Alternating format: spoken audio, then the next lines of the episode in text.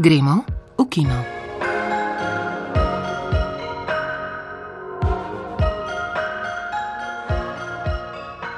Lepo zdrav v naši tedenski oddaji o filmu. Tokrat bo v središču naše pozornosti igrani prvenec Darka Sinka Inventura, ki je na festivalu slovenskega filma prejel kar štiri vesne.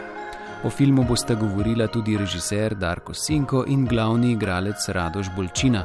Sicer pa se bomo ozrli tudi po zmagovalnem dokumentarnem filmu festivala v Lincu, tovarne delavcem Srdžana Kovačeviča in še po dveh premjerah v tem tednu, nadaljevanju akcijskega spektakla Dr. Strange v multivesolju realnosti in kitajski komediji o skrivnostnem filmskem kolutu z naslovom Ena sekunda.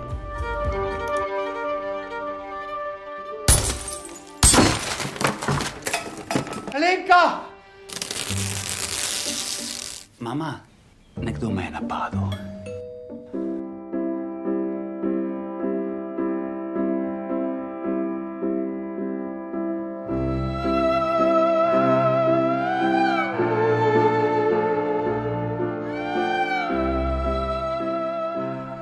Najprej pa k inventuri. Film je na lanskem portoroškem festivalu prejel vesne za režijo, glavno in stransko moško vlogo in glasbo.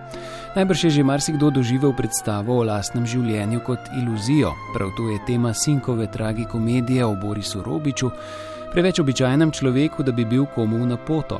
Kljub temu nekdo po večerji strelja na njega skozi okno. Ker policija ne najde usumljencev, primer kmalo konča. Boris pa se s tem ne more sprijazniti in sklene, da bo zadevo raziskal sam.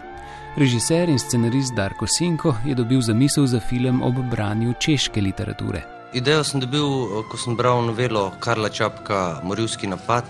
To je um, ena od novel v zbirki novel z naslovom Zgodbe iz levega in desnega žepa. To so take uh, detektivske zgodbe oziroma niso prav kriminalke, ampak v njih nastopajo policisti in detektivi in mal uh, se pogovarjajo o življenju ali pa se spominjajo kakih dogodkov. Ko sem prebral to novelo, sem takoj, kot da bi imel klopu, se mi je zazdelo, da je to lahko, to bi pa lahko bil film. V vlogi Borisa Robiča torej nastopi Radoš Bolčina, ki je takole razmišljal o dramaturškem loku svoje vloge v filmu. Vedno se mi zdi, da je tekst baza vsega ne? in da sam tekst nekako med vrsticami nosi te arhetipe človeškega, bom rekel, uh, lika. Ne? In to moraš razbrati ne? nekako in začutiti, in, in potem te nekako stvar pelje v ta dramaturški lok. Ne vem, mislim, kakšne take personalne metode nimam. Ne? Zdi se mi, da, da je prav ta kafkarijanskost, ta absurdnost, ne, ki sem jo dosti odigral tudi v teatru in se mi zdi v bistvu prav počelo človeške psihe, ne, na splošno in sploh uh, zelo uh, hvaležna pred vsakimi krizami. Ne, postane ta absurdnost življenja in malega človeka vedno bolj aktualna. In, uh, mislim, da se tudi mogoče osebno malo bolj znajdem v takih vlogah. Ne. Film je na rednem sporedu slovenskih kinematografov od srede naprej, ogledala pa si ga je Petra Meterc, ki je film opisala kot s humorjem podšito žanrsko zmes.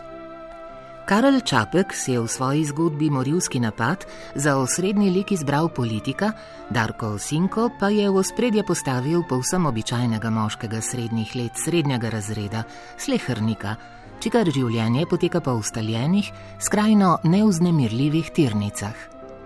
Ime mu je Boris in živi v ličnih terasastih blokih v Kosezah skupaj z ženo Alenko, njun sin, kot izvemo pozneje, pa je družinsko gnezdece že zapustil in si ustvaril svoje.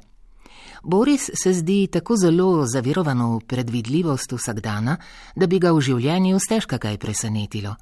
Potem pa nekega večera skozi okno kabineta, v katerem zvečer ob hrvaških šlagerjih in kozarcu vina prebira knjigo, švigneta dva strela. Ko na vratih pozvoni policija z resnobnim detektivom Andrejem na čelu, se znajdemo v resni preiskavi. Če kdo, je prav omenjeni detektiv tisti, ki bi menda znal ugotoviti, kdo in zakaj je streljal na Borisa, ali kot ta poznaje reče ženi, še je sreča, da se človek lahko zanese na policijo. Najprej se še zdi, da se bo filmska pripoved usmerila v klasično razpletanje uganke, saj se Boris, kot mu zatrdi detektiv, ne zdi ravno tip človeka, ki bi ga kdo želel ustreliti, vendar se kmalo pokaže, da bo prava kriminalka potekala predvsem na psihološki ravni. Pa da ne bo pomote, v mislih nimamo psihološkega trilerja, temveč nekakšno mešanico kriminalke z eksistencialno dramo. Recimo ji kar eksistencialna kriminalka. Sinko se namreč nameni raziskati, kaj se zgodi človeku, v katerega se, čeprav je kar se da običajen človek, ki pove, da ga imajo ljudje kar radi, zaseje dvom o njegovih odnosih in o tem, ali se ni morda res komu s čim tako zameril, da bi mu stregal po življenju.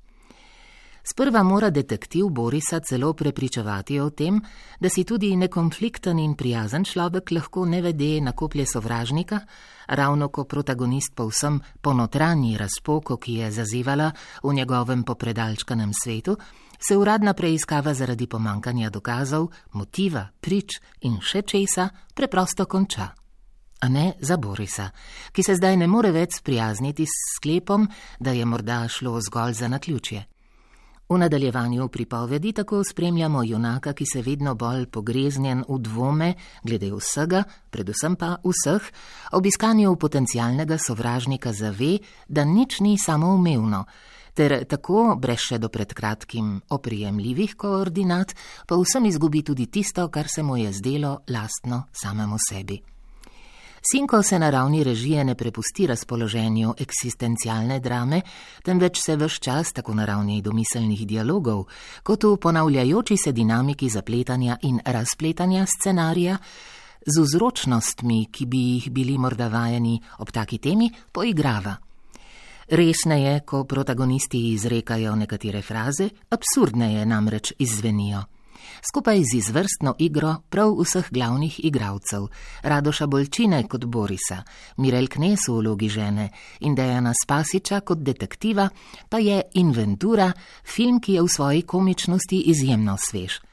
Čeprav je v ospredju vse čas razrvan posameznik in se Sinko eksplicitno ne obrega ob širše družbene teme, je njegov prvenec brez dvoma tudi subtilno pikar portret mehurčka srednjega razreda in ujetosti v polikane, a mlačne odnose, v katerih se navidezne urejenosti življenja zaradi predanosti coni udobja praviloma ne preuprašuje.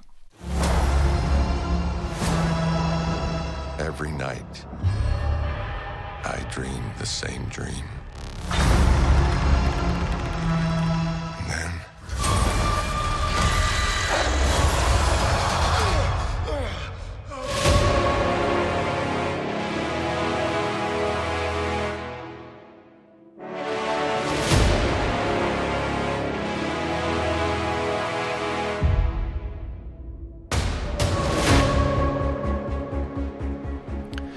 Se spominjate dr. Strangea izpred šestih let? Tokrat se znajde v multivesolju norosti, kot se glasi drugi del naslova nadaljevanja, in znova ga upodobi v zadnjih letih eden osrednjih holivudskih zvezdnikov Benedikt Cumberbatch. Igor Harp je bil na premjeri filma in v svojem razmišljanju med drugim pohvalil odločitev za izbor novega režiserja. Po Scottu Derricksonu je to Sam Raimi.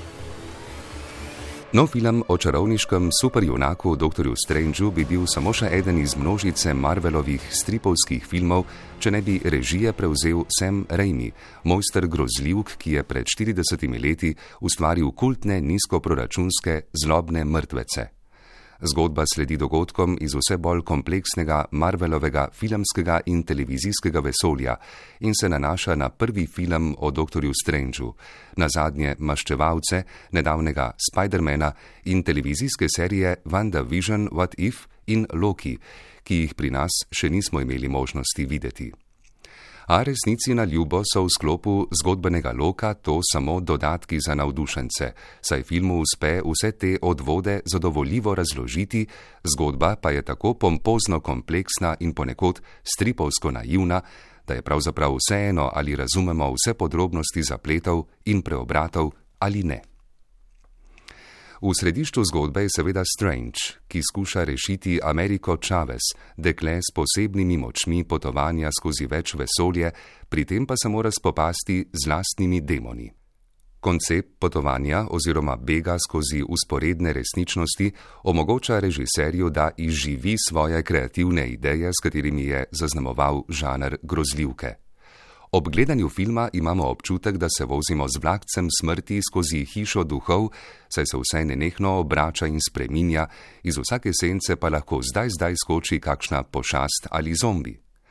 Čeprav je to zabavno, pa posledično trpita tako zgodba kot razvoj likov, saj ob nenehni akciji ne morejo dovolj zrasti, da bi upravičili preobrate ali nove uvide, ki jim na koncu omogočijo, da se spoprimajo s problemi in jih razrešijo. Še več, zaradi nekaterih popreprostenih pristopov film kljub močni reprezentativnosti ženskih likov do njih občasno vzpostavi docela pokroviteljski odnos, ki meji na šovinizem, bežna vključitev lezbičnega para pa tudi ne pripomore k skupnemu vtisu.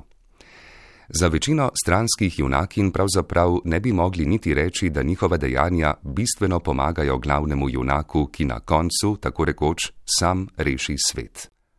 A dr. Strangeu in multivesolju norosti težko očitamo kakršno koli agendo. Povsem očitno je bistvo filma v Remijevem poigravanju z zakonitostmi grozljivk in akcijskih filmov ter preizkušanju novih tehnologij in kombinacij klasičnih in sodobnih režijskih pristopov, skozi katere ustvari ravno pravo mero groze za dosego šoka in nelagodnosti, ne pa dovolj, da bi gledalce tudi zares prestrašil. To bi namreč pomenilo, da filma ne bi mogli prikazovati otrokom, in to je tudi edina agenda, ki jo ima filmski studio Disney.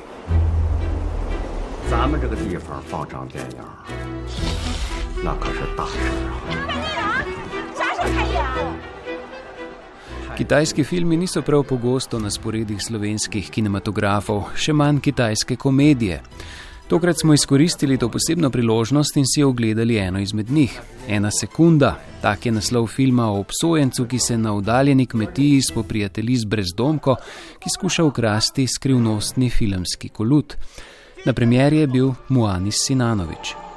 Ena sekunda je film, ki predvsem pripoveduje zgodbo dveh oseb v obdobju maovske kulturne revolucije. Prva je taboriščnik, oče na prisilnem delu, ki se ga je družina v inkvizicijski histeriji odrekla. Obvestijo ga, da se v eni izmed epizod novic, propagandnega filmskega gradiva, ki ga predvajajo v tamkajšnjih dvoranah, pojavi njegova hči. Da bi jo za hip vzrl, pobegne. Drugi lik je dekle, sirota, katere bistri bratec je med učenjem sredi ruralne revščine uničil redko zastirko na mizne svetilke, zato ga vrstniki trpinčijo. Zastirke so tedaj izdelovali tudi iz filmskega traku in sestra želi ukrasti trak, da bi ga rešila trpljenja. V središču je torej film, film kot tehnika in kot medij, natančneje človekov odnos do podobe in materijalov, na katerih je kako se najgloblja človeška čustva vežejo na sliko in koliko so odvisna od naprav. Gre za obdobje, v katerem je bil kinooperater kralj na vasi, saj je ljudem ponujal upogled v čarobno življenje na velikem platnu, to pa je hkrati dajalo stik s svetom. Ena sekunda je vsekakor alegorija, ki s prikazom minule zgodovinske dobe slika protislovja današnje, prepletenost osebnih življenj in interneta, med drugim pa tudi zagate sodobne kitajske države z njenimi visoko razvitimi sistemi nadzorovanja in ovaduštva. Vendar pri tem ne moralizira, ne poskuša gledati na splet državnega aparata in tradicionalne kulture z zahodnimi očmi. Prej subtilno izraža notranjo kritiko s čustveno zaznamovano zgodbo, ki je prežeta s tragedijo. Tragično pa vse čas spremlja senca komičnega, ki se pritaji, da bi iz vsega skupaj naredila človeško komedijo, da bi opozorila na absurdnost človeškega stanja. Sedemo na vrtiljak čustev, ki nas ne izpusti vse do konca. Ponudi nam veliko razlogov za ganjenost, predvsem s prikazom revščine v času, ko je Kitajska šele začela delati prve korake k modernizaciji, v kateri je danes vodilna sila. Revnost prostorov, prevoznih sredstev pokrajine, oblačil ter človekova trpežnost, neuničljivost v teh razmerah, sredi puščavske krajine, nas nagovarjajo z nostalgijo. Pred nami se razgrinja strast 20. stoletja v vsej naivnosti in pionirstvu. Strast, ki se hkrati kaže na področju politike in filma. Tako ljudske množice kot film želijo ujeti čas in zgraditi nov svet. Podajata si roko. Ta situacija pa bo gotovo nagovorila tudi ljudi, ki so odraščali v obdobju Jugoslavije. Izjemno rekonstruiran duh časa pa skupaj z zavedanjem o minljivosti vsega ob odlični igri, kinematografskem občutku za pokrajino in nepozabni zgodbi, kontrastno poudarja tisto, kar se nikoli ne spreminja: trpljenje in upanje posameznikov, njihovo iskanje smisla, intimnega stika, njegovi dvoličnost in zloba, njegovi nežnost in nasilnost ter boj z gigantskimi silami zgodovine. Film Ena sekunda, čas, v katerem lahko protagonist na skoraj uničenem filmskem traku novic ujame podobo svoje mlade hčere, je sicer izšel že leta 2020, vendar je eden močnejših filmov, ki smo jih letos lahko ujeli v slovenskih kinematografih.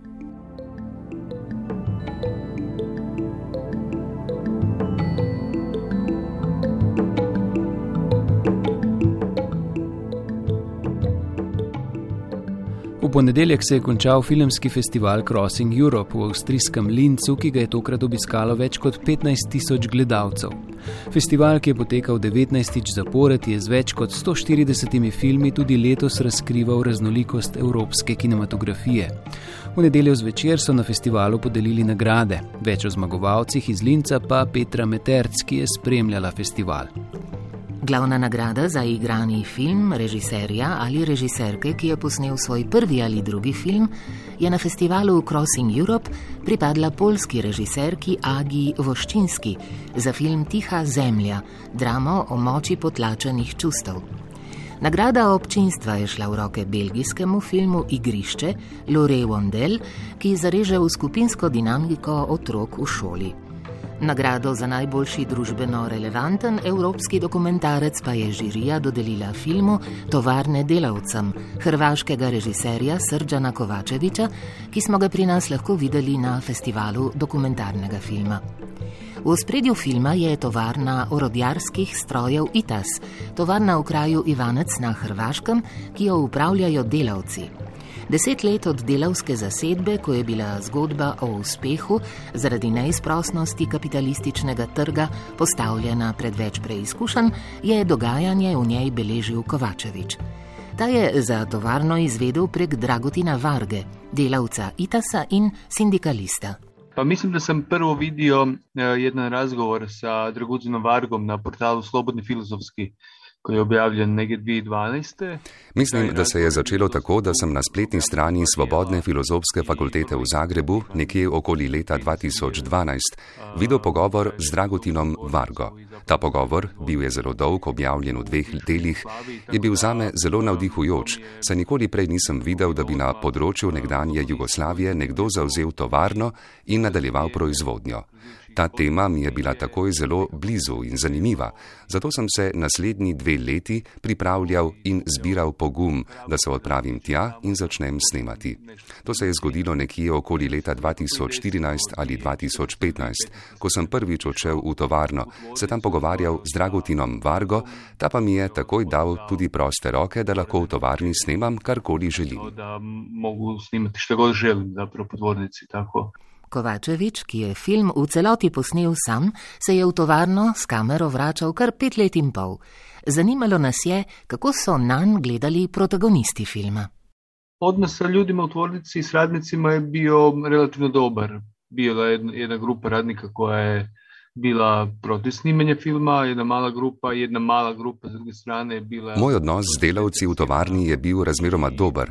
Ena skupina delavcev je bila proti snemanju filma, druga, manjša skupina, pa je bila precej zainteresirana in se je strinjala s tem, da jih snemam in da jim s kamero sledim. Večina delavcev je bila od začetka do mene nekoliko ravnodušna, kar se je seveda postopoma tudi spremenilo. Moje delo je namreč vključevalo tudi to, da se z njimi pogovarjam, jim pojasnjujem svojo motivacijo in jim jo približam. Tako smo se pogovarjali o tem, kaj se s filmom sploh da narediti in kako vidijo v filmu sebe. Sčasoma se je zato naš odnos spremenil, postal je bližji in prav prijateljski. S vremenom se ta odnos menjal, postal bližji, postal baš prijateljski. Vsi prihodki od filma Tovarne delavcem se, kar v filmskem svetu ni ravno običajno, delijo tudi med protagoniste. O razlogih za tak dogovor Kovačevič.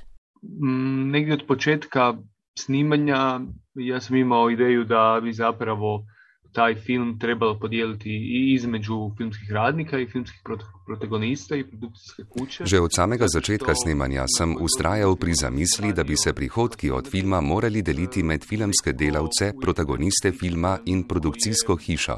Saj se je pri vseh filmih, pri katerih sem delal kot snemalec, dobiček, ki smo ga ustvarili tisti, ki smo v film uložili svoje delo, nam, filmskim delavcem, vedno izmuznil in šel v roke izključno produkciji. To se mi je zdelo nepravično in sklenil sem, da bom, ko bom in če bom kdaj snemal svoj film, kar se je na to tudi zgodilo, poskušal vzpostaviti drugačne odnose in drugačno delitev tega kolača, ki ga je proizvedlo naše skupno delo.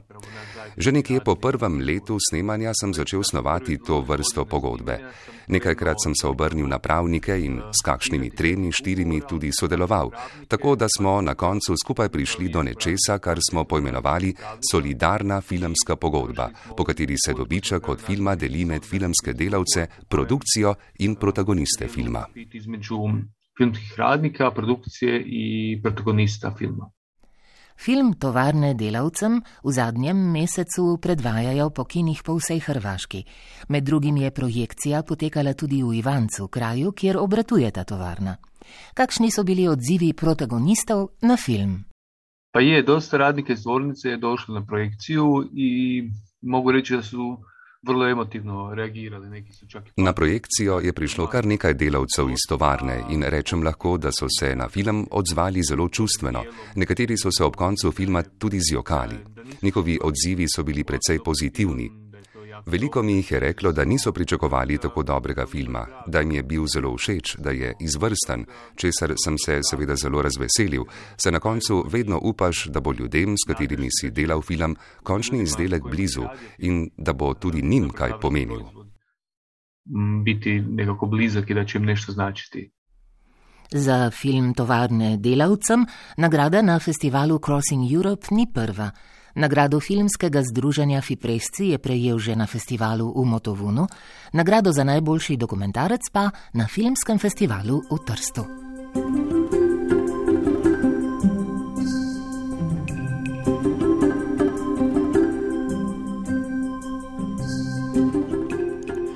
9. maja praznujemo Dan Evrope, saj je na ta dan leta 1950 Robert Schuman predstavil zamisel, iz katere se je razvila Evropska unija.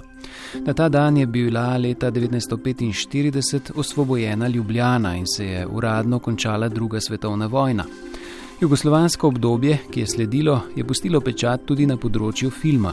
Izoblikoval se je poseben žanr partizanskega filma.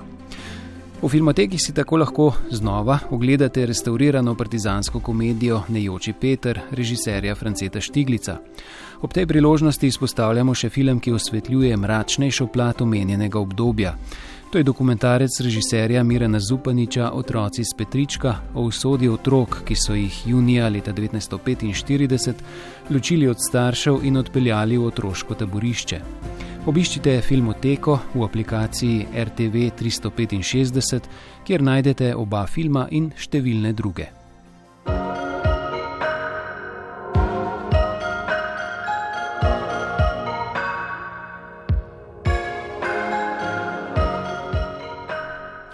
Čisto ob koncu opozorimo še na prihajajočo sredo, ko bodo v Cankarevem domu prikazali digitalno restaurirano kopijo filma Hudodelci.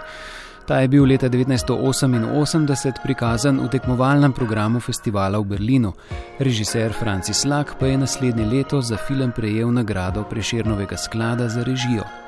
To bi bilo vse v oddaji Gremo v kino, oblikovali smo jo Jasna Rodošek, Bernard Stramič, Alma Kužel, Robert Markoč in Matej Juh. Podajo lahko poslušate tudi na naši spletni strani ali jo poiščete v aplikaciji za podkaste. Lep pozdrav do prihodnjega tedna.